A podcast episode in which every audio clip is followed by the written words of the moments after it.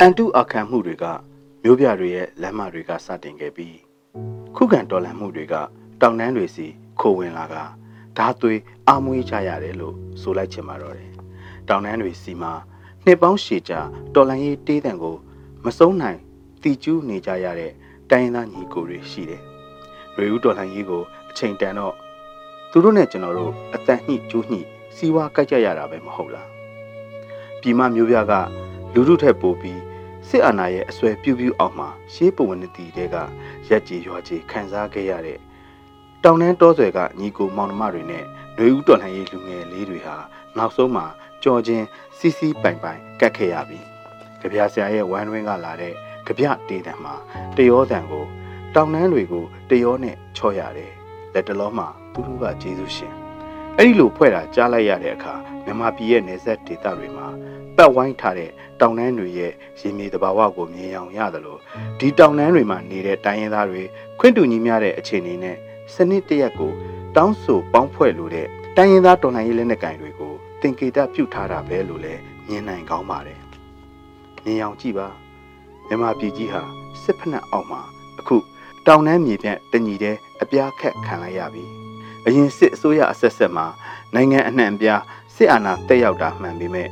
တိုင်းရင်းသားလက်နက်ကိုင်တွေရှိရာတောင်တန်းတွေစီမှာစစ်တပ်တွေရဲ့ဖိနှိပ်တပ်ဖြတ်ဖျက်ဆီးရက်စက်မှုတွေဟာမလွတ်လပ်တဲ့အစိုးရမီဒီယာမြူတုကြားကနေခက်ဝါးဝါပဲမြင်ရခဲ့တယ်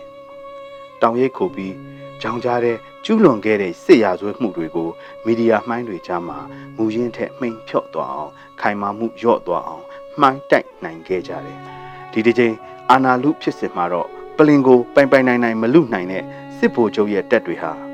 သူတို့ရဲ့ရက်ဆက်ရုံမှမှုကိုမြန်မာတပြည်လုံးသိကဘာတဝင်းလုံးသိမဖုံးနိုင်မဖိနိုင် ထုတ်ပြပြီးကြိုးပမ်းနေကြရတော့တာပြည်မကအများစုဗမာတွေဟာလဲတိုင်းရင်းသားတွေဝေးလှမ်းမမြင်ကြရမှာစစ်ခေတ်တလျှောက်ဘယ်လိုခံခဲ့ရတယ်ဆိုတာကို အတွေ့အကြုံစိုးနဲ့ရင်းပြီးကွင်းကွင်းကြီးလက်တွေ့သဘောပေါက်ခဲ့ရတယ် ဒီတော့မျိုးပြလန်းတွေပေါ်ကလူထုတရက်လုံးရဲ့အကြမ်းမဖက်အန်တုအခမ်းမှုတွေဟာနောက်ဆုံးအဓိကအဖြစ်လူငယ်လေးတွေရဲ့တောင်တန်းစီခိုးလုံးလက်နဲ့ဆွဲကင်ခုခံတော်လှန်မှုအတွေ့လေ့ကျင့်တင်ယူအားမွေးပြင်ဆင်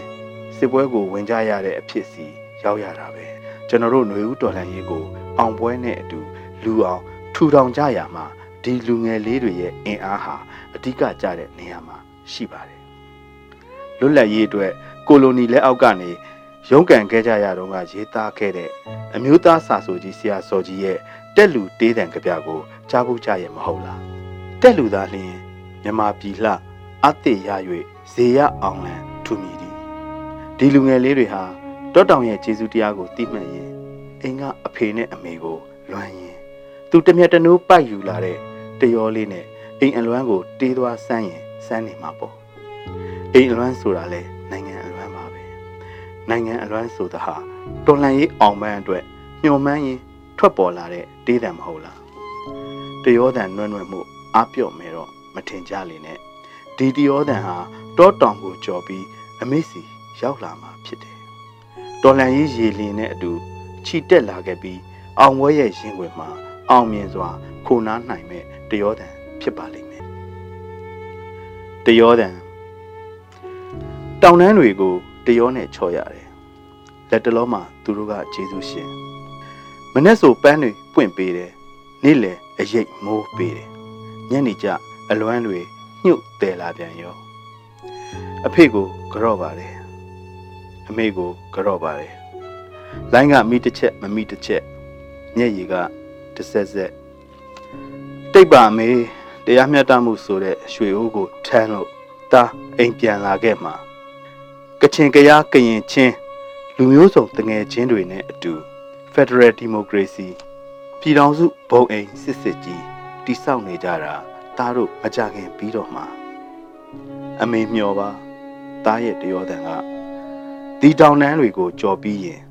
အမေစီရောက်လာမှာ